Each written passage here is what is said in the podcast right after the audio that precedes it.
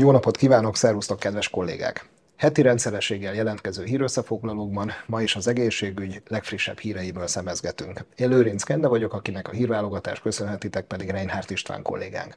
Ne feledkezzünk meg podcastjainkről sem, melyek elérhetőek az Apple Podcast, Google Podcast és Spotify platformokon. A Tai Chi segíthet a Parkinson-kor lefolyásának a lassításában.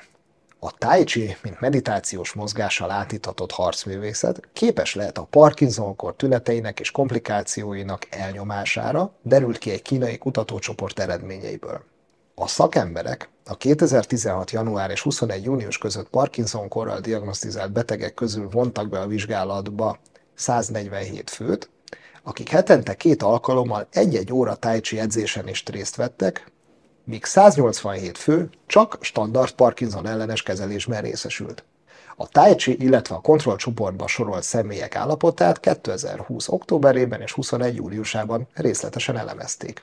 Az általános tünetekre, a mozgásra és az egyensúlyra vonatkozóan elvégzett validált vizsgálatok alapján a Parkinson-kor lefolyása a Tai Chi csoportban lassúbbnak bizonyult valamennyi megfigyelési időpontban, mint a kontrollcsoportban. A gyógyszeradagok emelésére szorulók aránya magasabb volt a kontrollágon, mint a Tai Chi gyakorlatokat végzők körében.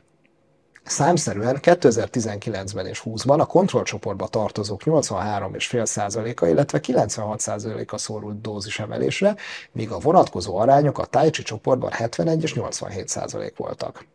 A különböző komplikációk aránya alacsonyabbnak mutatkozott a tai chi edzéseken résztvevők körében, a diszkinézia vonatkozásában 1,4 versus 7,5 százalék, a disztóniát illetően 0 versus 1,6 százalék, a hallucinációknál pedig 0 versus 2 százalék. A nyugtalan lábszindróma esetén 7 százalék versus 15 voltak az arányok a tai chi, illetve a kontrollcsoportok esetén. Összességében úgy tűnik tehát, hogy a Tai Chi több éven keresztül képes tompítani a Parkinson tüneteinek előtérbe kerülését. Következő érdekes hírünk onkológiával foglalkozik, ugyanis egy új kutatás azt mutatja, hogy az agydaganatok onkolitikus vírusokkal való megfertőzése gyógyír lehet.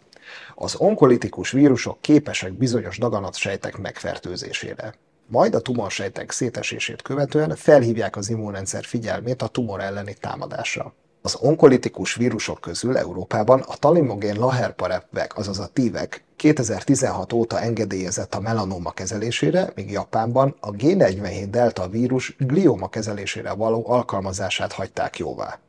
Nemrégiben friss tudományos eredmények láttak napvilágot. Fázis egy vizsgálatok alapján úgy tűnik, hogy a glioblastoma kezelésére kifejlesztett herpesvírus, a CAN 3110 alkalmazása jelentős javulást idézhet elő a betegek túlélésében.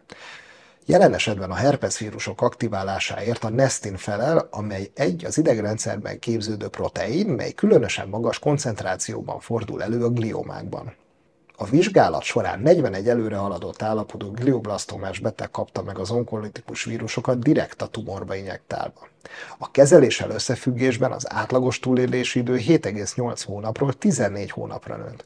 A glioma típusától függően azonban eltérés mutatkozott a túlélésben, míg Anaplasztikus asztrocitóma esetén a túlélés átlagosan 5,4 hónap volt, addig anaplasztikus oligodendroglioma esetén pedig már 39,9 hónap. Két betegnél léptek fel az injekciót követően a második és 16. napokon görcsrohamok, emellett az egyiküknél agyvérzés, a másikuknál pedig enyhe parazis jelentkezett.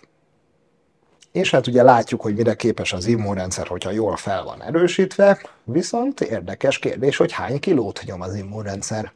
A vesék, a máj vagy az agy tömege ismert, miközben a szervezetben szétszórtan megtalálható immunrendszer tömegéről kevesebbet tudunk. Egy izraeli kutatócsoport nemrégiben számításokat végzett, és korábbi histológiai tanulmányokra és modern kutatási eredményekre, így például transzkripciós atlaszra alapozva határozta meg azt, hogy hány sejtből állhat és mennyit nyomhat az immunrendszer egy átlagosan 73 kg-os 20-30 éves felnőtt férfinek 1,8 billió darab immunsejtje van.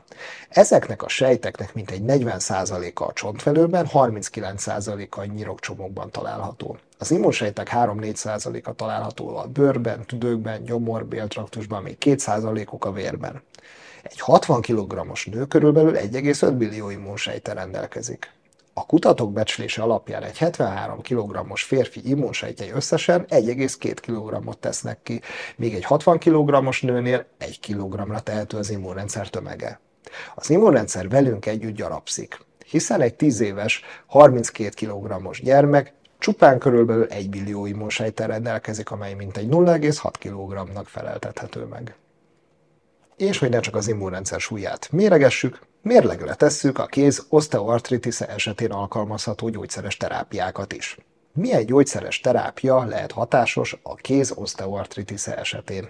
A kérdés szakszerű megválaszolására dániai szakemberek 72 darab 2021 előtt megjelent klinikai vizsgálatot tekintettek át, Ilyen módon több mint 7600 beteg bevonásával 29 különféle terápiás eljárás hatásosságát elemezték.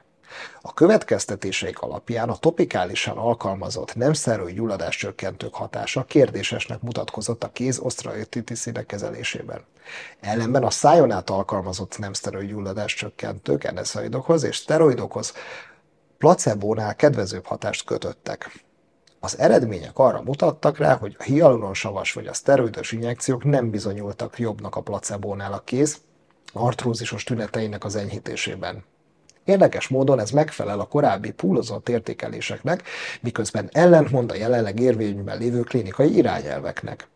Ezzel összefüggésben a szakemberek fontosnak tartják azt, hogy a jövőben szigorúan szabályozott keretek között is vizsgálják az intraartikuláris terápiák hatásosságát a kéz osztraartitiszének kezelésében.